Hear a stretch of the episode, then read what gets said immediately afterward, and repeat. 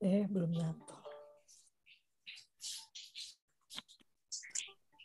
Ya, selamat pagi sahabat suluh keluarga. Kita bertemu kembali uh, di uh, acara Kultur Parenting Pagi edisi hari Senin. Jadi ini edisi I Love Monday uh, pada tanggal 11 April 2022 ini hari istimewa buat saya karena Ayang berulang tahun hari ini. Makanya sumringah dari pagi ya. Dan pagi ini uh, saya uh, kedatangan sahabat yang luar biasa. Tadi baru saya sampaikan ke Kak Irwan ya. Kalau biasa kita bicara tentang tangguh itu Kak Irwan lah jagonya ya. Uh, tapi saya mau memperkenalkan sahabat saya yang bukan bicara tentang tangguh tapi memang saksi hidup tentang ketangguhan ya Kak Ane.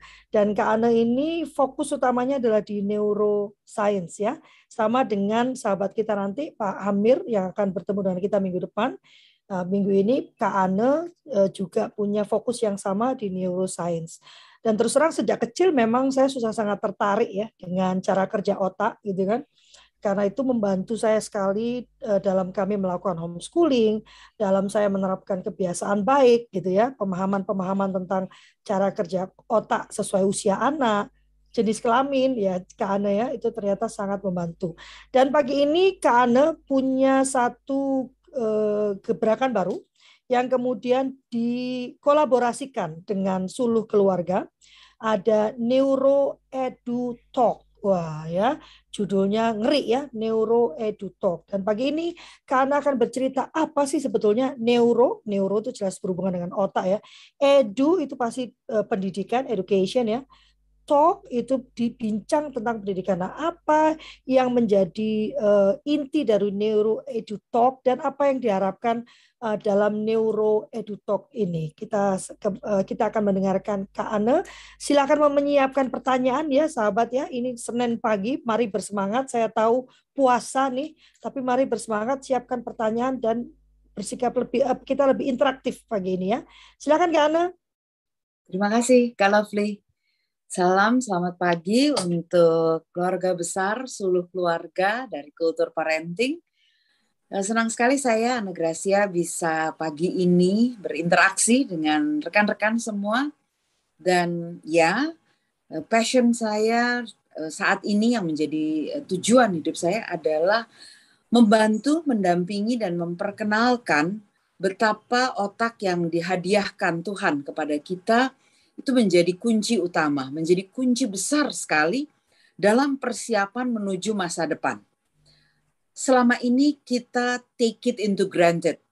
Terima kasih Tuhan kita punya otak, tapi ternyata kita tidak cukup memperhatikannya. Baru dari uh, pola hidup, pola makan, pola istirahat, itu sering kali kita sudah abai dengan hadiah terbesar yang merupakan mesin kehidupan. Bagian lain dari tubuh kita ini pengikut, tetapi penentunya, mesinnya adalah otak dan Nero Edutalk adalah bagian dari upaya untuk memperkenalkan fungsi kerja otak, bukan anatomi otak, tapi fungsi kerja otak kepada sistem pendidikan secara mendalam. Saya mau sharingkan satu buah foto. Ini menjadi gambaran yang sering uh, saya buka dalam kegiatan berdiskusi semenjak menggaungkan Nero Edutalk. Dalam perjalanan, perjalanan kehidupan, semua sering bicara soal golden age. Semua bicara tentang otak kiri, otak kanan, otak besar, otak kecil.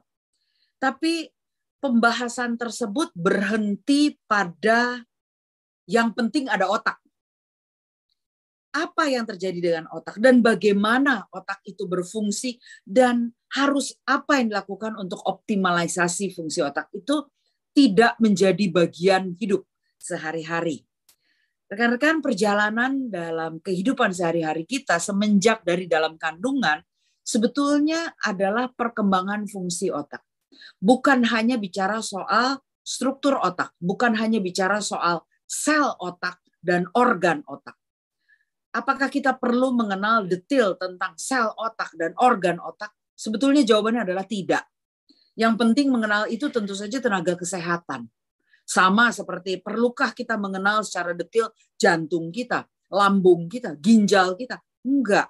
Tapi yang penting kita tahu bahwa organ-organ itu ada dan harus berfungsi optimal, berfungsi optimal.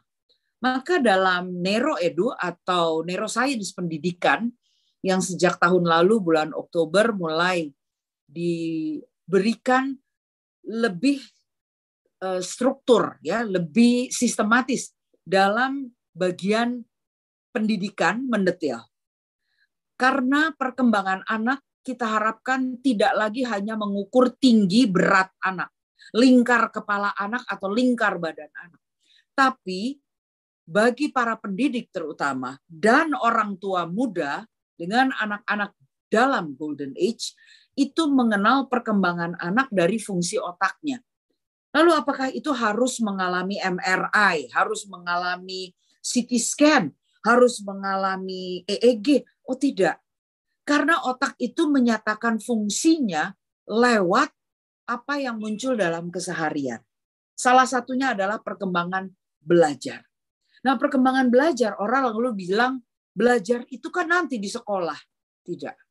Belajar itu adalah menghadapi semua stimulus dan rangsangan. Itu belajar. Otak belajar itu adalah otak yang mengembangkan fungsinya. Jadi sebetulnya otak mulai belajar semenjak dia menerima stimulusnya yang pertama. Itu belajar.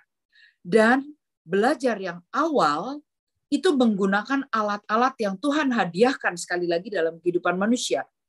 Alat belajar pertama dalam kehidupan ini bukan pena, bukan kertas, bukan gadget, tapi alat belajar dalam kehidupan ini adalah indera. Maka saya bangun dalam bentuk tangga yang berjenjang. Di jenjang yang pertama yang harus berfungsi, harus berfungsi adalah sistem indera dan dia harus berfungsi untuk menerima informasi, stimulus, rangsangan yang datang dari dunia di sekitar kita. Indra harus berfungsi menerima dulu, menerima dulu. Tapi fungsi indra tidak selesai sampai di situ. Dia kemudian harus terhubung dengan otak melewati koneksi persarafan. Karena indra begitu selesai menerima, dia harus melakukan proses kedua dan proses keduanya itu terhubung dengan otak, filter. Proses filter. Namun indera tidak bisa memfilter jika tidak ada bantuan dari kondisi di sekitar anak. Apa sistem filternya? Sistem filternya yang pertama sekali dari indera adalah penamaan.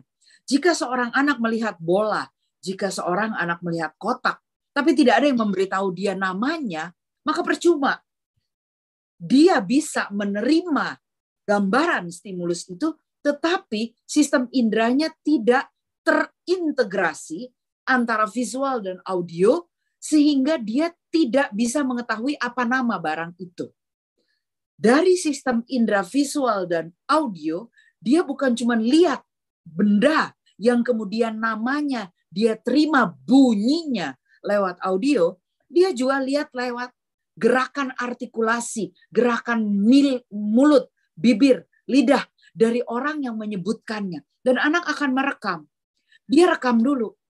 Dia rekam dulu menunggu sistem berikutnya terbentuk di otaknya. Itu adalah sistem psikomotor dan atensi. Nah, sistem psikomotor ya, psikomotor secara psikologis jadi sudah ada uh, relasi dengan emotion ya. Motor adalah gerak yang awal bayi akan mengupayakan dirinya untuk melakukan aneka interaksi dengan atau kata lainnya bermain dengan gravitasi bumi. Tapi secara halus dia juga mulai meniru-niru gerakan artikulasi. Jadi bayi itu sudah mulai itu sebetulnya itu adalah perjuangan keras membangun koneksi dari yang tadinya cuma sekedar jalan arteri atau bahkan jalan desa, lama-lama ada flyover seperti yang baru didiskusikan ya. Perkembangan nanti ada underpass, nanti ada jalan tol, bertumpuk, bertingkat. Jaringan saraf di otak tidak hanya membentuk jaringan linier, tapi dia juga membentuk jaringan-jaringan yang terintegrasi dan berasosiasi, tumpuk-tumpukan, mirip aneka jalan layang yang sudah tertumpuk-tumpuk di daerah Cawang kalau di Jakarta misalnya, atau uh, sampai di Lebak Bulus tuh ketumpuk-tumpuk juga dengan jalurnya LRT gitu ya, MRT. Rekan-rekan, di otak sistem saraf itu akan terhubung dengan sangat kompleksnya. Dan salah satunya yang terpenting adalah bahwa awalnya di dalam kandungan bayi bergerak dengan gerakan dari rekaman dari rekaman turun temurun yang disebut refleks, tapi kemudian bayi harus bisa memindahkan, memindahkan. Ada proses switch yang awal sekali terjadi untuk mengendalikan sendiri geraknya bukan dari rekaman refleks. Alias kalau saya mau sederhanakan saya katakan awalnya dia bawa genset lahir dengan model genset, lama-lama dia mesti punya gardu induk sendiri. Gensetnya nggak boleh sering-sering dipakai, mesti dihemat energi gensetnya gitu ya. Jadi gerakannya mesti terkendali, bukan lagi gerakan spontan. Jika sistem indera dan sistem gerak ini sudah terintegrasi, atensi akan terbuka dan anak siap untuk belajar. Kognitif yang asalnya sejak awal hanya bermain-main di memori yang dini sekali untuk identifikasi, oh lama-lama dia akan berkembang dan menjadi sangat kompleks untuk menerima pattern, untuk menerima formula, untuk menerima pola. Dan untuk itulah tersedia pelajaran matematika dan bahasa. Maka mathematical thinking, linguistic system, itu menjadi dua basic pembelajaran penting untuk membangun aneka sirkuit koneksi yang ada di otak. Dan di atas sirkuit itulah kemudian nanti proses berpikir akan berkembang. Jadi ada perbedaan dalam proses tahapan perkembangan yang menghasilkan keterampilan kerja otak. Jadi semua ini akan muncul dalam kategori dengan istilah keterampilan. Dan keterampilan ini menghasilkan, tadi ada sistem gerak, gerak yang berulang akan menjadi perilaku, kebiasaan, habit, berkombinasi dengan emosi dan kognitif dalam konteks pengetahuan dan regulasi emosi. Saya suka sebut dengan istilah pendek, satu tuh. Satu tuh, sabar, tunda, tunggu, itu regulasi emosi. Kalau nggak bisa sabar, tunda, tunggu, maka tidak ada regulasi emosi yang muncul hanya ego. Nah kalau keterampilan kerja otak, kombinasi dari alat belajar yang optimal, gerak yang terkendali, emosi yang terregulasi, maka itu akan membangun karakter bersama pengetahuan terhadap adab, norma, agama, dan perilaku prososial. Semua itu akan menghasilkan karakter dengan kepribadian negara kita, maka ada profil karakter pelajar Pancasila. Nah, kalau diturunkan, diuraikan ke bawah, karakter pelajar Pancasila harus mulai dari mana? Harus mulai dari alat belajarnya berfungsi atau tidak. Karakter pelajar Pancasila harus dimulai dari mana? Geraknya terkendali atau geraknya lebih banyak gerak spontan, refleks yang menjadi saklar dari meledaknya emosi. Dan kalau emosi meledak, maka pintu muara bendungan emosi bocor. Banjir emosi di otak akan menghasilkan semua tindakan impulsif. Jadi, kita bisa katakan jika dalam sistem belajar sejak dini dikenal semua keterampilan fungsi otak, maka proses belajar sebetulnya adalah sedang membangun berbagai sirkuit, berbagai model pola di otak untuk bisa menjawab tantangan, untuk bisa menjawab aneka bentuk persoalan yang semakin lama membuat otak menghasilkan proses berpikir yang semakin komprehensif. Nah, ada levelnya yang bisa dikenal lewat taksonomi Bloom. Taksonomi Bloom itu punya tiga ya, kognitif, afektif, fisikomotor. Tapi yang ngetop banget yang kognitif. C1, 2, 3, 4, 5, sampai 6. C1, C2-nya itu berada di mana? Memory and recall. Jadi kalau kita cuma bertanya kepada anak dengan jawaban yang tertutup, closing statement, kita cuma main sebetulnya pada pola kognitif C1, C2.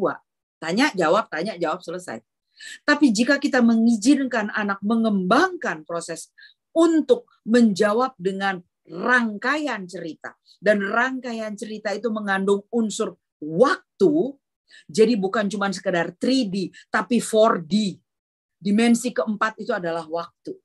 Kemarin, sekarang, besok, dan akan datang, maka kemampuan berpikir itu adalah kemampuan yang sudah masuk ke C3 dan 4. Karena ada proses evaluasi dan analisa. Nanti ada selanjutnya proses yang sampai di C6, creativity. Oh, ide. Namun, taksonomi belum juga berkembang. Dia nggak berhenti begitu, bayangkan dong. Masa C6-nya anak TK sama C6-nya S3 sama? Kan nggak mungkin, nggak mungkin banget. C6-nya anak TK apa? C6-nya anak TK adalah ketemu dengan dua stick, dia bisa membentuk huruf T ketemu dengan uh, dua benda, dia bisa mengulangi dan memvariasikan, memvariasikan kreasi. Tapi, tapi C6-nya manusia yang berani menjawab tantangan oleh belum berkembang dalam empat dimensi pengetahuan. Berarti apa? Unsur pengetahuannya mesti naik. Kalau unsur pengetahuannya linear, maka dia cuma ada di level faktual dia cuma bisa jawab yang kekinian. Begitu udah nggak kekinian, emosinya tuh banjir, floating. Tapi kalau dia sanggup naik pada dimensi berikutnya, dimensi knowledge, maka dia bisa menganalisa situasi dengan komparasi dari pengetahuan sebelumnya dan teruji. Dan itulah manusia ilmiah, manusia pendidikan. Yang ketiganya menjadi apa? Prosedural. Prosedural artinya dia sudah mampu berpikir untuk menciptakan sistem yang bisa dilakukan oleh manusia lain yang belum berpikir tentang sistem.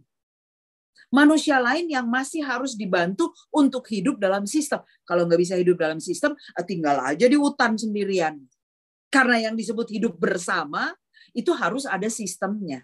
Di sanalah kita akan berkenalan dengan adab, kita berkenalan dengan norma, kita berkenalan juga dengan agama. Maka sistem agama itu harus diperkenalkan juga kepada anak dari tingkat sensor, auditory of religion, visual of religion, psikomotor of religion. Anak yang enggak peduli dan tidak melihat dari sejak bayi yang belum bisa apa-apa, sikap hidup orang tuanya, jangan minta tiba-tiba dia di usia TK-nya untuk melakukan perilaku religi. Yang ya repot ngajarinnya karena dia belum simpan di memori sebelumnya. Bagi teman-teman yang muslim, anak yang kalau sholat subuh malahan dipok-pok tidur gitu ya. Akibatnya apa? Azan subuh buat dia adalah Nina Bobo. Jangan terus tiba-tiba di usia TK dia lalu disuruh mulai siap-siap sholat pada waktu azan. Salah lantunan itu lantunan Nina Bobo jadinya buat dia. Jadi perilaku-perilaku itu juga harus dilakukan oleh manusia dewasa di sekitar anak. Nah, taksonomi belum pada level yang keempat ini amaze us. Benar-benar akan membuat kita terkagum-kagum. Jadi challenge buat kita semua. Sanggupkah kita metakognitif? Kita udah kenal metafor sekarang tapi apakah kita berpikir metakognitif? Metakognitif itu bukan ngotot. Metakognitif adalah orang yang sanggup merespon sesuai dengan situasi. Bukan plin-plan. Kalau plin-plan itu masalah prinsip. Tapi kalau sanggup fleksibel, itu adalah kunci executive thinking. Dan executive thinking adalah bukti bahwa prefrontal, daerah depan dari otaknya, fully function. Umur berapa itu? Ternyata otak itu punya, punya sudah, Tuhan sudah ciptakan itu punya tahapan usia. Nah harusnya executive thinking itu fully function dan siap di challenge umur 21. 21. Jadi kalau lewat 21 masih otot-ototan, I'm sorry, kita jadi kenal. Oh, oke. Okay. Belumnya masih di level ya satu dua. Dan banyak yang tertahan di sana. Kalau kita lalu bicara, oh iya, mereka pekerja blue collar. Mereka pekerja otot. Maka ya mereka adanya di level kognitif pada dimensi pengetahuan faktual atau ya sekedar knowledge dikasih tahu dia ulang dikasih tahu dia ulang sampai di situ nggak akan bisa lebih jadi Talk adalah bagian konsep yang sekarang kita tempatkan secara sistematis dalam dunia pendidikan. Bersama dengan Universitas Pancasakti Bekasi, kami membangun laboratorium Nero Edu. Laboratorium yang secara online juga dipicu untuk dibangun oleh universitas-universitas lain yang punya perguruan eh, pendidikan ya jurusan pendidikan untuk kemudian bisa mengolah bersama-sama dengan kolaborasi para expert. Dan kolaborasi para expert ini dibatasi by etik. Kami menegakkan sekali di sana unsur hukum, legal, dan etik. Jadi bukan pekerjaan terapis boleh dilakukan oleh guru, bukan. Kecuali guru itu studi keterapian. Tapi itu pun tidak sepantasnya dilakukan di lembaga pendidikan. Secara jelas pemerintah kita dan banyak negara di dunia ini badan hukum yang mengelola pendidikan tidak boleh sama dengan badan hukum yang mengelola kesehatan. Karena konflik of interest di sana akan mengacaukan saya ketemu di daerah-daerah tertentu guru yang kemudian ikut workshop keterapian, lalu dia mengatakan anak ini speech delay, lalu lidahnya ditarik-tarik, lehernya dipijet-pijet. Emang dia tahu mana bagian tulang rawan sama bagian pernapasan. Nah kalau itu patah terus nutup, anak itu meninggal di tempat. Dia punya tanggung jawab. Saya senang dengan pengajaran yang dilakukan oleh Pak Fahik Bahven, seorang sarjana hukum spesialis kesehatan dari Leiden. Beliau sarjana farmasi, tapi beliau mengambil hukum khusus kesehatan. Beliau mengatakan, Anda mungkin tahu, Anda mungkin certified secara pengetahuan, tapi belum tentu Anda berwenang melakukan pengetahuan Anda. Jadi Nero EduTalk adalah bagian untuk kita bicara sama-sama, untuk kita berupaya sama-sama supaya kenal perkembangan otak anak. Why? anak kita, anak kita bukan hidup di zaman kita. Sekarang aja saya setengah mati, dikit-dikit update. Gadget dikit-dikit update. Ibu saya, 30 tahun lebih tua dari saya. Umurnya ya sudah 70-an ya, mau ke 80. Lihat icon, icon aplikasi WhatsApp berubah, itu dia bisa ribut tuh. Tolong balikin dong ke yang sebelumnya, Mama lupa kalau berubah-ubah gini. Oh my God, How can I do that? Ya, dia tangannya, ini kan layar handphone sekarang layar sentuh ya. Kelamaan tangannya ada di situ. Akibatnya apa? Ikonnya kegeser. Dia nggak lihat berarti di layar utama. Dia bilang hilang. Kita migran, migran dari generasi digital dibandingkan dengan anak-anak yang native digital.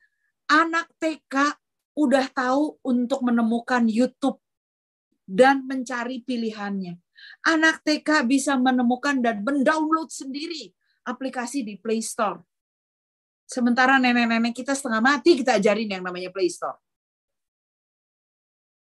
dunia kita, zaman kita nggak akan cocok. Kalau tadinya zaman era itu berganti per abad, per abad, berarti per 100 tahunan ya.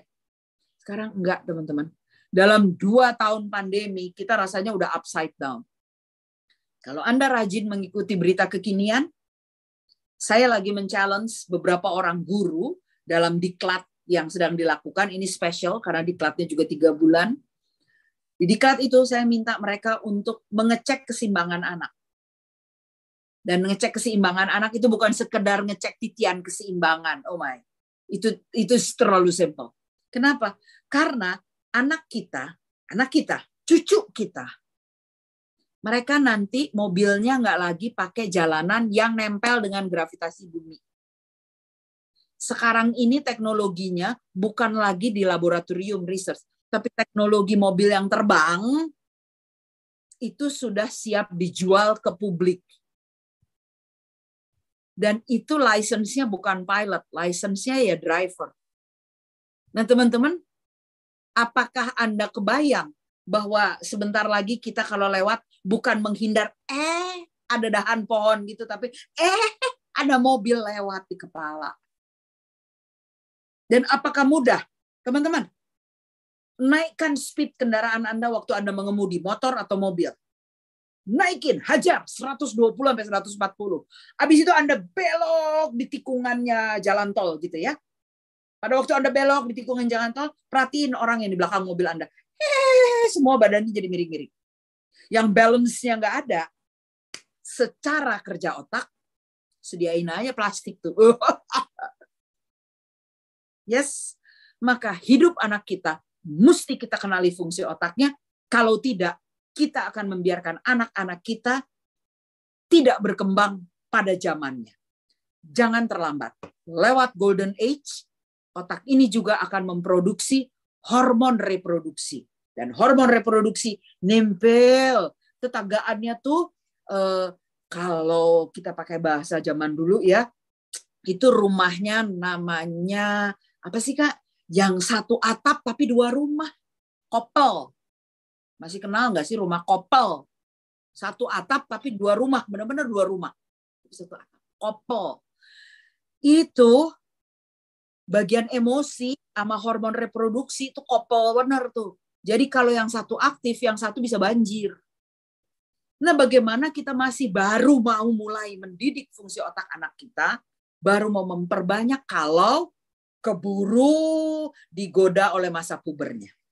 So, jangan lewatkan golden age, bukan untuk sekolah dan belajar, tapi mematangkan fungsi otak melalui kurikulum terstruktur yang student center. Karena waktu lahir anak itu tidak sama semua fungsi otaknya yang siap optimal.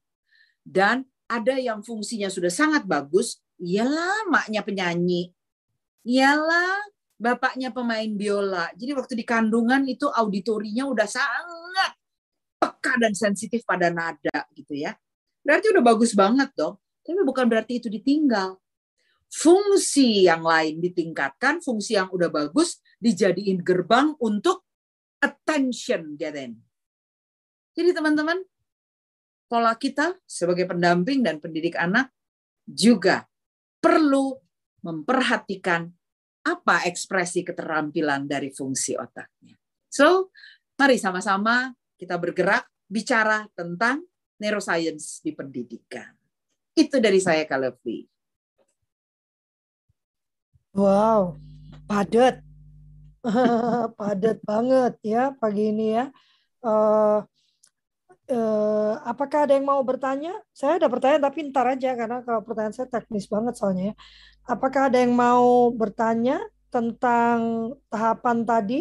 Saya rasa menarik banget ya bagaimana kita nanti kalau tahu uh, apa fungsi-fungsi otaknya ada di mana.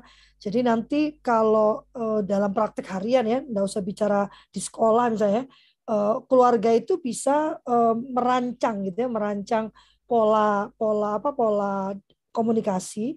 Karena bagi saya kan dia ada milestone-nya tuh ya kak ya, ya kan kayak kayak tadi kak kak, kak Ana bilang, nggak semua anak itu uh, punya kesiapan kecerdasan yang sama gitu kan. Faktornya itu memang faktor uh, kelahirannya, tapi juga faktor uh, uh, pengasuhannya ya kak ya dari seribu hari pertama ya. Itu sebabnya sayangnya dokter bagus ini sedang sibuk sekali keliling-keliling ya. Uh, sehingga seribu hari pertama itu menurut saya adalah kunci gitu ya. Seribu hari pertama adalah kunci gitu ya. Tapi jauh ketarik lagi itu masa kehamilan dan persiapan kehamilan persiapan kehamilan itu artinya masa remajanya ya itu juga menjadi kunci ya pemahaman bahwa kita punya tugas mulia untuk uh, menghasilkan generasi berikutnya ya sehingga nanti ke sininya uh, proses kita uh, menyelaraskan menyelaraskan kedewasaan dengan kedewasaan proses berpikir itu bisa lebih mudah ya kak ya tidak banyak distorsinya gitu loh karena kesalahan-kesalahan di masa lalu gitu ya Kak, Kak ya kira-kira ya. Ada yang mau bertanya Kak? Ayo teman-teman. Ini ada Kak Canita, ada Kak Ike, ada Kak Vivi, ada Kak Angel ya, ada Kak Sriwayuningsi, Kak Ambar, Kak Rima, Pendeta Ilse, Dokter Ferry. Oh ini ada nih, baru masuk nih. Pendeta Ilse. Saya seorang nenek dengan usia nenek dengan cucu ya, usianya lima tahun. Masa ada nenek usianya lima tahun ya. Kak, bisakah memberi contoh praktis yang bisa kami terapkan dalam keluarga? Yang pertama di atas dari segala-galanya adalah sempatkah kita mengamati anak-anak? Paling praktis adalah memberi waktu yang disebut berkualitas. Dan waktu yang berkualitas itu bukan monolog. Bukan anak ngoceh monolog, bukan juga orang dewasa ngoceh monolog tapi betul-betul harus dialog. Pada seorang anak berusia lima tahun, seharusnya di usia empat tahun, yang saya tadi sempat sebut dengan nama satu tuh, singkatan yang saya senang aja nyebutnya, satu tuh, sabar tunda tunggu. Itu dulu dilihat deh. Karena usia empat ke lima tahun dari banyak eh, tokoh dalam teori pendidikan, salah satu yang ngetop banget pasti ya, Piaget, Eric Jensen, Eric Erikson gitu ya. Mereka akan mengatakan bahwa itu usia peer group. Peer group artinya dia usia berteman, usia prososial. Tapi masih ngototan enggak? Merasi kerengkian enggak? Masih mehe-mehe? Nggak mau, nggak mau. Nggak mau sama itu. Maunya gini. Gitu kan. Kalau anak tidak bisa orang tuanya mengatakan, eh Enggak sekarang. Nanti. Besok kita pergi lagi ke Mart ini. Baru besok mau beli. Yang di rumah masih ada buat kita makan. Beda, tapi masih ada. Ya, snacknya masih ada. Besok. Itu sudah pasti kematangan fungsi otaknya below 4 age. Below 4. Jadi udah 5 itu malah below 4. Jadi regulasi emosi adalah kunci yang penting untuk kita perhatikan di putaran usia 4-5 tahun. Dan yang kedua, melihat bagaimana dia beraktivitas pada pengelolaan dirinya. Pegang gelas, tumpah-tumpah. Pertanyaannya, emang dikasih izin nggak dia pegang gelas diisi air? Atau jangan-jangan dibantu melulu? Kenapa nggak dimulai dengan boleh gelasnya gede pun boleh. Kenapa? Karena proses dia belajar menggenggam grip jari itu dibutuhkan untuk nantinya dia menulis. Grip ini dibutuhkan. Tapi kalau kita terus-terusan membantu dengan menyesuaikan, kasihan tangannya masih kecil, kasih yang kecil, ya nggak berkembang. Kenapa nggak kasih gelas biasa, isi tapi setengah dulu? Habis itu tambahin lagi. Sehingga dia mengenal arti kata bobot. Akibatnya ototnya dia jadi berenergi. Dan otot yang berenergi adalah otot yang siap dipakai untuk menunjang aktivitas belajar yang formal. Sebetulnya kata belajar formal datangnya dari fungsi kerja otak. Tapi karena karena orang yang sistem berpikirnya itu faktual knowledge linear doang, akibatnya dibilang bahwa adanya formal non formal gitu. Padahal formal itu artinya apa? Formally doing. Dilakukan secara sistematis, terstruktur. Iyalah, kalau mau belajar nggak terstruktur, sana aja di alam terbuka gitu. Bahkan, bahkan orang tua di beberapa negara yang anaknya belajar bersama keluarga di alam, itu pun tetap orang tuanya mikirin strukturnya. Iya dong, nggak tiba-tiba anaknya langsung dikasih pacul, enggak, dikasihnya skop kecil dulu. Ya, disesuaikan. Itu berarti ada formally modul, formally plan. Ya, tapi ya di kita biasa suka diterjemahkannya eh, seperti bunyinya doang, terus akhirnya maknanya hilang. Jadi kalau anak tidak punya kecukupan energi pada tubuhnya sampai dengan usia 8 tahun untuk kemudian dia bisa memberikan perhatian penuh, fokus untuk hal yang penting dia terima sebagai pola kerja otak. Dan juga ada kunci pada satu tutur apa? Sanggup switch attention. Lagi asik begini terus dipanggil. Non, ya.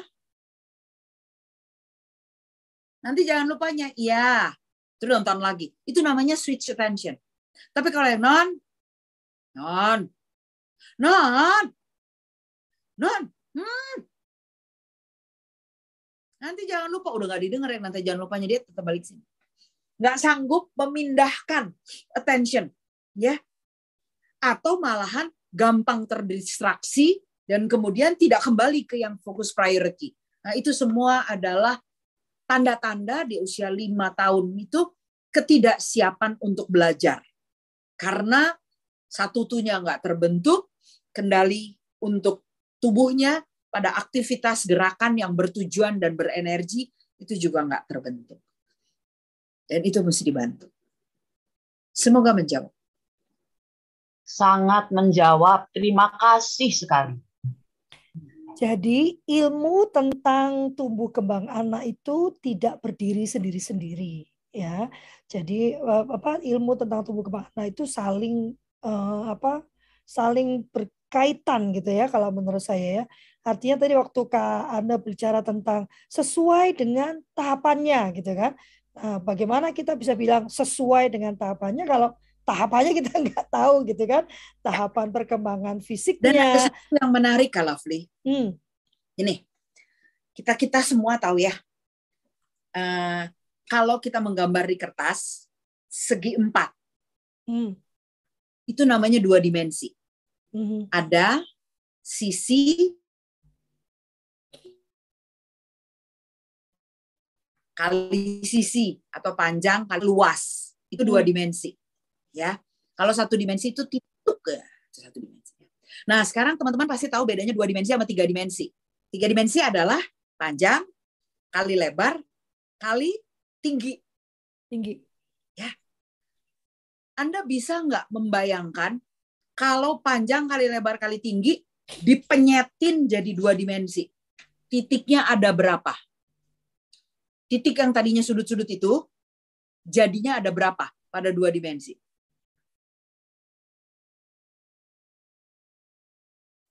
Empat?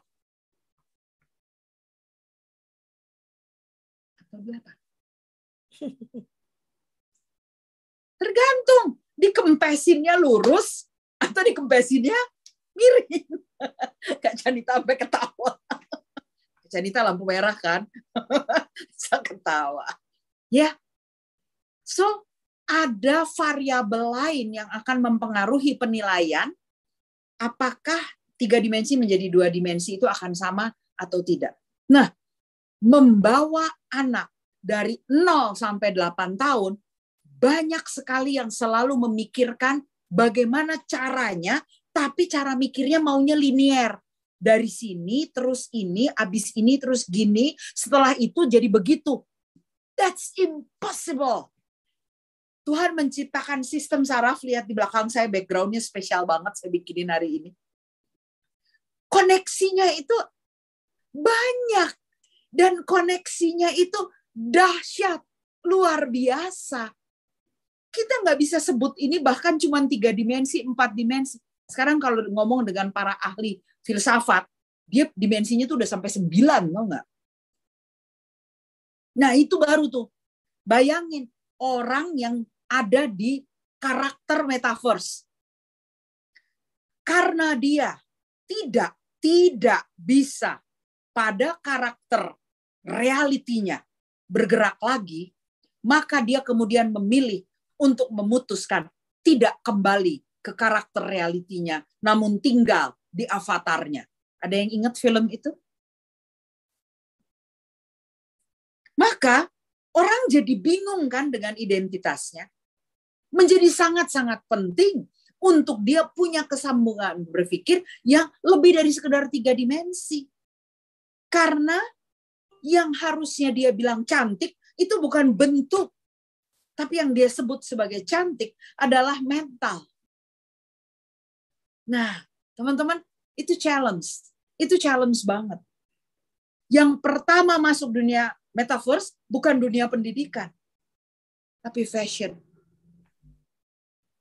Kita beruntung dunia pendidikan udah ngejar masuk ke metaverse sekarang. Untuk mengubah itu. Tapi siapa yang bermain lebih banyak di sana? artis. Pemilik lahan metaverse terbesar di Indonesia, artis. Jadi teman-teman, apakah mereka memiliki kemampuan berpikir yang kompleks, multidimensional? Belum tentu. Yang dipikirin cuan doang. Kita kalau mikirin cuan itu mesti dan lain-lain, bukan cuma cuan doang. Itu menunjukkan kematangan berpikir, komprehensitas berpikir. Nah, bisa seberapa jauh? Tergantung fondasinya di bawah gimana. Fondasinya rapuh, bye-bye. Ya. Fondasi rapuh bye-bye ketahuannya di mana? Ketahuannya saya bergerak di sini tuh gara-gara satu hal. Gara-gara nggak terima disebut ada generation gap lost generation. Kenapa mesti ada lost generation? Karena ada yang preman. Emang ada berapa yang preman? Yang brilian juga banyak gitu Tapi balik lagi ya, yang juara olimpiade untuk olimpiade baik physical or mental, olimpiade fisika, matematika gitu ya. Jumlahnya dibandingkan dengan jumlah usia sebaya dia itu less than 10%.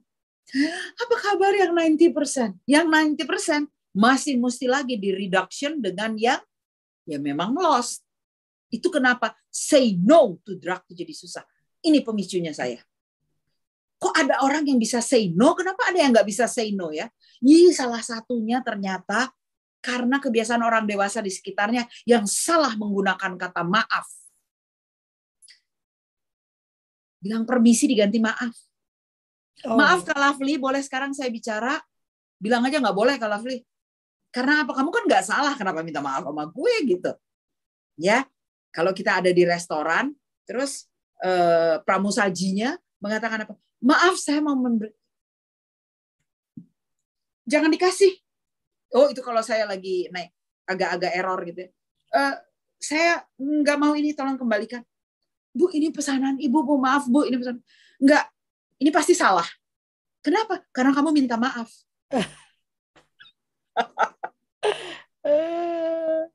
Dan itu terbawa di anak-anak sehingga mereka tidak sanggup say no. Ah. So, mari, mari kita bicara banyak. Uh, memang betul tidak mudah dalam artian tidak linear, tapi bukan karena ini adalah turunan dari medis. Tidak. Neuroscience itu turunan dari biologi, bukan dari medical. Tapi gaya berpikir medical yang mengurutkan, menghubungkan, itu yang kemudian dipakai ilmu ini untuk menyelesaikan persoalan penyakit otak. Persoalan penyakit otak. Kita lagi ngomong otaknya kudu sehat. Nggak ada urusan penyakit. Jadi biarkanlah para neurolog bicara soal otak yang sakit, kita harus membangun otak yang siap, yang tangguh. Hmm. Hmm. Kak Irwan, ada yang mau disampaikan nggak? Ini ada Teh Yanti juga. Hai Teh Yanti, selamat pagi. Hai Teh Yanti, apa kabar? Hai Mbak. Kalau Vi, Mbak Ane, Pak Teh Yanti sedang kesepian dia sendiri. Nah, enggak ada Ica sekarang. Siapa? Selamat pagi, kalau Fli. Pagi Kak Fauzia. Ya, ini Kak, Kak Fauzia bertanya? Silakan.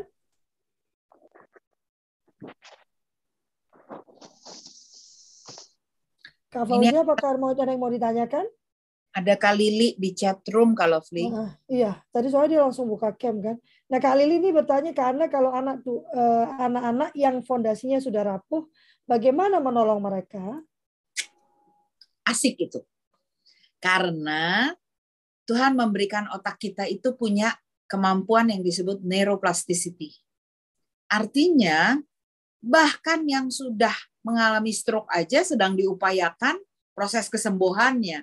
Jadi yang rapuh itu bisa diperkuat. Namun, namunnya bukan namun di anaknya, namunnya di orang pendampingnya. Tangguh nggak nemenin? Karena kerjaan kita dua kali, dua kali lebih berat. Ya, jika sudah lewat usia 8 tahun, anak itu sudah terpapar dengan kehidupan sosial. Maka atensi terhadap kehidupan sosial itu kita yang mesti bersaing dengan atensi yang lain dan atensi kehidupan sosial sekarang bukan keluar dari pagar rumah. Atensi kehidupan sosial sekarang ada di dalam rumah melalui teknologi digital. Nah, sanggupkah kita lebih menarik daripada teknologi digital itu? Atau adakah anak-anak kita punya trust untuk berkomunikasi dengan kita? Jika ya, kerapuhan seperti apa pun tentu masih bisa kita olah. Dan teknik untuk mengolahnya juga banyak sekali. Ada banyak teknik. Tapi ingat bahwa yang terpenting harus sesuai profilnya. Jangan anak dibuat trial and error. Dicobain datang. Pokoknya segala sesuatu yang namanya ada brainnya, anak dijeblusin ke situ. Ya. Di dekat saya inilah ada eh, eh, apa eh, apa yayasan gajah apa gitu. Jadi eh, dia mau melatih otak untuk mengingat. Nah, saya malah mau melatih otak saya untuk melupakan. Bagaimana caranya? Kalau Fli, aku boleh bertanya nggak? Boleh Kak Fauzia, silakan. Ya, selamat pagi. Kak. boleh tanya. Hmm. Ya, Kak Feni, eh, Kak Lili, Kak Fauzia dulu, baru Kak Lili ya. Oke. Ya, silakan Kak Fauzia. Eh, kalau Fli kayak eh, yang waktu itu aku pernah telepon kalau Fli karena aku punya anak sambung ya. Itu super super banget. Saya udah sayang sama dia. Eh sampai kita tuh sudah apa sih yang kamu butuhkan gitu kan? Butuh kasih sayang sudah. Nah, kebetulan kemarin pembagian rapot Kak. Pembagian rapot nilainya bagus-bagus banget gitu sampai kan dia mau naik kelas 6 ya. Yang harus di ujian itu kan bahasa Indonesia, matematika sama IPA. Itu sama sekali deh nilainya emang udah bener-bener jeblok banget. Dia malah justru eh, bangga dengan nilai itu gitu loh. Sampai saya mau ngelesin pun dia nggak mau gitu loh. Sampai kita udah dia buat salah selalu ngeyel gitu loh kak selalunya maunya bener terus. Dan dia di sisi lain juga ada traumanya juga ya, karena kan mungkin dulu almarhum ibunya suka memukul atau kalau misalnya Badung dia eh, langsung teriak gitu kan ke papahnya gitu. Makanya sampai sekarang pun begitu saya masuk ke di keluarga tersebut ya puji Tuhannya sudah ini ya udah agak mendingan yang tadinya di sekolah cari perhatian sama guru sekarang sudah tidak pokoknya ada aja deh ulahnya di sekolah gitu. Sampai gurunya aduh ini kenapa ya? Gurunya lagi nerangin dia, dia celetuk gitu kan. Itu loh kak. Harus bagaimana nih kak? Kak. Ana. kalau sudah remaja, kelas 4 ke atas, itu selalu harus diperhitungkan adanya gejolak hormonal yang bagi setiap remaja, setiap anak, jika tidak ada yang mempersiapkan dan memperkenalkan mereka dengan body awareness, mereka itu bingung. Mereka bingung dengan rasa yang dia alami. Enggak laki, enggak perempuan sama. Karena pada waktu terjadi aktivitas hormonal di dalam otak, itu akan muncul sinyalnya juga sampai ke otot. Pada kondisi tertentu, bahkan sampai muncul misalnya rasa letih yang luar biasa, atau ketidaknyamanan pada persendian misalnya, atau pada organ-organ reproduksinya. Nah, jika itu tidak dipahami, gimana caranya pahami? Mas mau nanya, dia aja nggak ngerti, dia nggak akan bisa jawab. Jadi kalau ditanya, kamu rasa apa sih? Jawaban dia, enggak, nggak rasa apa-apa. Enggak, enggak, enggak apa-apa. Jadi jengkel. Itu sebetulnya salah satu sinyal bahwa emosinya tidak bisa dia kendalikan dengan mudah. Dengan mudah. Bisa, tapi kali ini jadinya nggak bisa dengan mudah. Yang kedua, kalau kita cukup peka pada anak-anak di atas eh, kelas 4 SD, kita kenal aromanya nggak? Ini yang bahaya dengan dunia digital, digital ini ke depan. Apalagi dengan teknologi medis ke depan lewat dunia digital. Satu sense dari dokter mati. Karena sebetulnya aroma itu memberi informasi banyak banget. Ada yang aroma basah, ada aroma yang asam. Nah, aroma yang basah itu bisa sampai aroma basah yang sangit. Dan itu menceritakan kondisi kelainan misalnya pada liver. Nah, ini sampai ke kondisi ada aroma amonia pada gangguan ginjal, itu akan hilang loh, karena tidak bisa dideteksi oleh Nah, itu ekstrim. Ta, persa. Kalau deket sama anak-anak pulang dari sekolah, bau kecutnya udah beda. Itu mestinya sinyal buat kita. Beda loh dia. Beda aja. Bedanya apa? Kan saya bukan dokter, nggak tahu dong. Ya tulis aja beda dulu di jurnal kita. Di diary kita, tulis aja dulu beda. Kenapa sih harus sedemikian ilmiahnya sampai kita harus tahu bedanya apa? Tulis aja dulu beda. Lama-lama kita lihat itu peta bedanya. Oh, munculnya di siklus yang berdekat. Mungkin hormon ya. So, assumption, prediction itu adalah fungsi kerja otak di tingkat level pengetahuan ketiga. Assumption, prediction. Kita berhak melakukan asumsi atau prediksi bahwa oh bulan depan hmm, kena nih gue. Pas jadwal ulangan dia bakalan error nih. Kenapa nggak di prep? Preparation. Apa preparationnya? Preparation kalau urusan hormonal tidak lain tidak bukan adalah nomor satu nutrisinya mesti lengkap. Cairan tubuhnya mesti cukup. Nah, info nih, kalau teman-teman mengikuti Nero Edutak di tiap jenjang-jenjangnya, jadi ikuti jenjangnya ya. Salah satunya akan tahu bahwa ujung-ujung sensor dari aroma penghidup dan pencecap itu lokasinya di otak deket. Hmm. Kalau tadi kopel antara hormon sama emosi, nah ini seperti saluran listriknya atau saluran airnya, ya itu nyambung antara olfaktori dan gustatori, olfaktori dan gustatori. Maka menenangkan emosi salah satunya dengan aromaterapi atau good taste.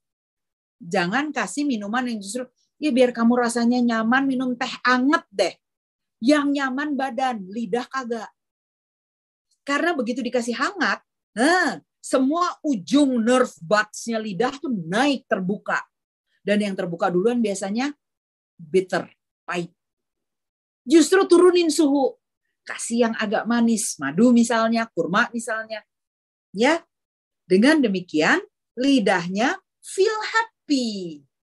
Coba masakin yang enak-enak. Pada waktu moodnya kelihatan lagi agak swing or overreaction. Itu cooling down. Itu satu hal. Ya, jadi uh, untuk anak-anak kuncinya di usia yang remaja itu adalah emotion.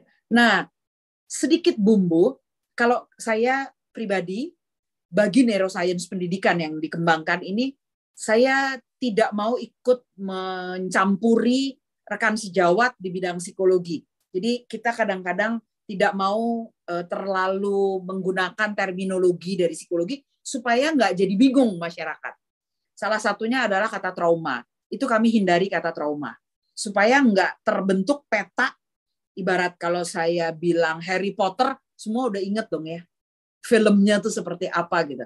Kalau saya ngomong Donald Duck juga semua tahu gitu filmnya langsung terputar. Nah kalau saya ngomong trauma, di sini tuh kita udah ada pattern yang datang dari penjelasan-penjelasan psikologi maka saya hanya akan menyebutnya sebagai memori. Memori. Memori itu bisa diwarnai oleh nuansa emosi positif atau negatif. So, memori nggak bisa dilupakan kalau Fli. Kalau tadi kalau Fli bukannya pengen ditambah ingat tapi dilupakan. Tapi bisa dilihat dengan kacamata yang berbeda. Dengan emosi yang berbeda. Jadi upaya treatment terhadap luka batin, trauma, etc., sebetulnya itu adalah cognitive behavior therapy. Memindahkan, mencari data, fakta, dan informasi dalam memori tersebut sehingga unsur emotionnya digeser. Maka kita akan menerima memori itu sebagai history. Kagak peduli lagi sama emosinya. Dan history itu akan tetap ada. Oh, apalagi zaman sekarang jejak digital itu nggak bisa kita hapus gitu ya. Tapi kita bisa melihatnya dengan version yang berbeda. Version sebagai pelajaran history. Dan kadang-kadang sesuatu yang tidak menyenangkan dan memalukan mungkin buat kita, kalau kita bisa menerima dan melihatnya dengan version pembelajaran, justru malah kita ungkap. Kita ungkap untuk membantu pembelajaran buat yang lain. Itu perbedaannya. Jadi memori yang jeleknya, yang pindah itu adalah emotionnya. Nah, ada beberapa anak yang di golden age-nya itu kebiasaan spotlight syndrome di zaman ini. Di 10 tahun terakhir ini. Tahu kenapa spotlight syndrome? Nih, gara-gara gadget. Ya, dikit-dikit anak difoto. Bayi, bayi. Ya Allah. Ada dong yang bikin Instagram buat bayinya di foto, di foto, di foto, di foto. Buset dah. Sampai semua anak di bawah usia tiga tahun sekarang udah bisa pose. Ya, saya pegang kamera maksudnya, eh saya pegang handphone, maksudnya pengen candid menangkap sesuatu. Begitu itu anak balik langsung. Ya elah, gue mau foto postur dia kagak bisa. Saya setengah mati loh kak kalau datang ke sekolahan untuk melakukan proses profiling. Saya nyebutnya profiling ya, bukan assessment, bukan screening, tapi profiling karena kita cuma mau ngambil data profilnya. Lalu kita minta, "Dek, Nak, boleh tolong berdiri? Bunda boleh ya ambil gambar fotonya ya. Berdiri ya, Nak ya." Begitu dia berdiri, ting. Ye. Orang saya mengukur bahunya terhadap telinga jaraknya, apakah simetris atau tidak, uh, ototnya itu simetris atau tidak. Lah bagaimana gua ngukur begitu ya? Sampai mesti dibetul-betulin dulu. Gini nanti ya, nih contoh bunda begini ya. Siap? Pokoknya saya nggak boleh berhitung aja deh. Itu udah saya tandain deh. Itu pengalaman 10 tahun. Jangan bilang siap ya, satu, dua, tiga. Begitu dua, kita baru mau tiga, langsung dianya Gusti. Spotlight syndrome. Nah, spotlight syndrome ini membuat anak itu biasa dibangga-banggakan, dipuji-puji, dibawa-bawa, diangkat-angkat, di-showing. Di-showing. Nah, maka pada usia remajanya, begitu dia lagi tidak membanggakan dirinya, buat dia orang ini berarti nggak sayang. Nah itu repot tuh memang. Gimana caranya kita mesti berinteraksi, mengatakan saya sayang, tapi itu nggak betul. Kuncinya ada di trust. Ya trust kita nggak dengan penyampaian yang kita berikan. Ya, jadi bukan dengan diberikan saja, tetapi lanjutkan kak dengan membangun trustnya. Jadi bonding antara manusia berada di sekitar bagi anak-anak di bawah usia 15 tahun, kita berusaha jadi role model. Dan role model itu justru bukan yang baik. Sorry, bukan orang baik yang akan jadi role model anak. tapi orang yang dia anggap dia bisa berlindung. Jadi somehow ternyata banyak penelitian itu betul. Authority voice, respectful behavior itu membuat anak merapat mirip magnet. Dibanding dengan kalau kita ngumbar bahwa dia boleh, dia bisa. Semoga membantu. Terima Eh, kasih Kak. Masih panjang ya. Kita udah lebih 10 menit nih. Pasti akan ada sesi berikutnya dengan Kak Ane. Saya mau mengumumkan bahwa kami eh, Neuro Edutalk dan Suluh Keluarga, eh, Suluh Keluarga mengadakan kerjasama ya eh, untuk pelatihan dongeng ya, tapi bukan sekedar dongeng ya. Eh, Nanti Kak Ana akan berbicara bagaimana kita memaparkan kisah itu secara neurologis ya, neuroscience-nya. Lalu Teh Yanti akan bicara tentang bagaimana itu mengubahnya menjadi kebiasaan. Ini kata yang lagi disering dia itu habituasi gitu ya. Dia kan sukanya kata-kata baru pemantik lah, habituasi lah gitu ya. Dan saya akan bicara tentang bagaimana menghubungkan tadi yang disampaikan Kak Ana itu dengan proses berpikir kritis analitis. Jadi lewat dongeng, anda akan membawa anak Anda belajar berpikir kritis analitis dan menjadikannya sebuah kebiasaan. Hanya dengan 150 ribu Anda dapat eh, empat kali ya, empat hari WhatsApp group. Jadi itu on dari jam 9 sampai jam 5 sore. Biasanya kami akan mengirimkan video eh, apa video pembe- pembe- pembelajaran ya. Kemudian nanti Anda boleh bertanya ya selama empat hari itu, lalu ada prakteknya mengirimkan suara selama empat hari. Lalu hari ke kelima kita akan bertemu di ruang Zoom selama dua jam untuk eh, berdiskusi dan praktek langsung. Bagaimana kita mulai dari mendongengnya, lalu menghubungkan itu menjadi satu berpikir, proses berpikir kritis analitis dan bagaimana menjadikannya sebuah kebiasaan. 150 ribu saya hanya menerima eh, sedikit orang ya, silakan segera menghubungi saya langsung ya ini untuk orang tua dan guru ya silakan dalam usia berapapun ya karena nanti akan ada bagaimana kita menyentuh neuro neuroscience-nya secara usia-usia tertentu jadi nggak untuk anak kecil saja loh berarti orang dewasa didongeng juga ya tetap bercerita itu adalah cara paling tepat untuk memasukkan uh, value ya tata nilai yang akan kita terapkan terima kasih banyak Kak Anne Ya, terima kasih teman-teman. Kita mau berfoto dulu. Saya juga uh, mengajak teman-teman untuk mengisi absen ya dan menjadi anggota dari Suluh Keluarga hanya dengan 150.000 per tahun.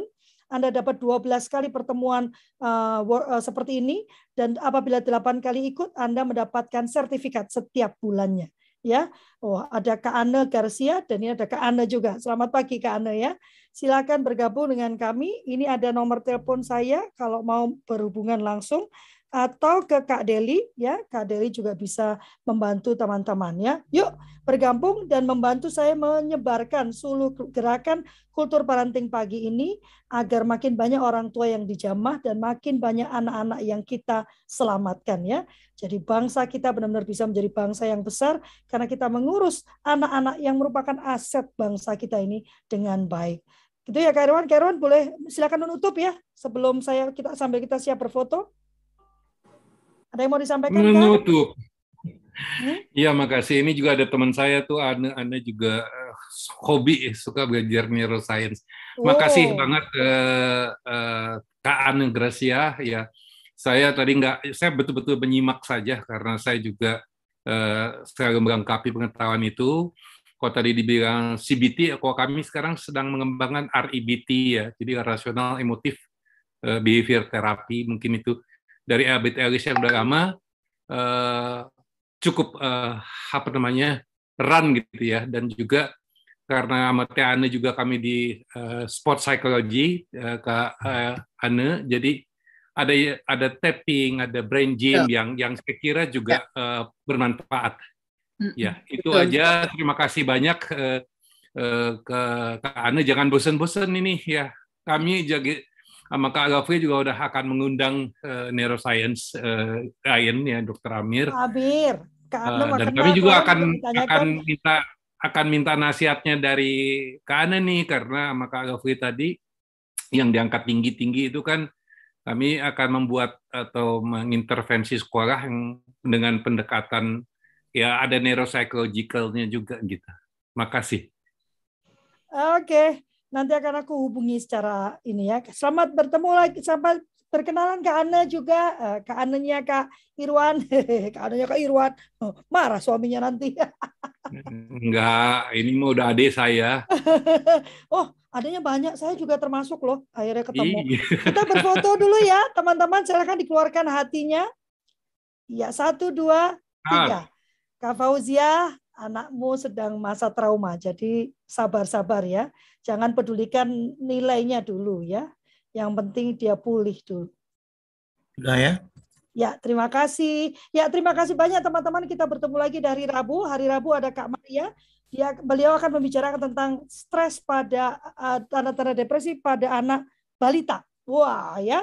Yuk kita uh, dengarkan uh, Kak Maria akan bicara tentang uh, apa depresi pada balita. Kembali yuk bergabung dengan pelatihan dongeng ya. Hanya dengan 150.000 Anda mendapatkan lima hari berturut-turut ya, empat hari dalam bentuk WhatsApp group, satu hari dalam bentuk Zoom ya. Silakan menghubungi saya di 0811 999 2608.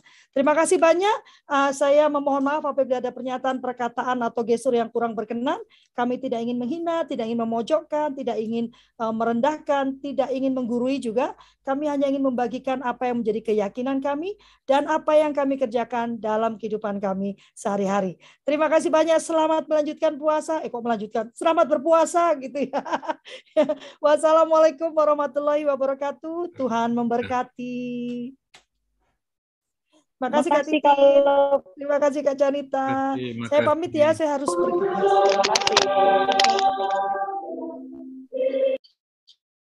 Terima kasih kalau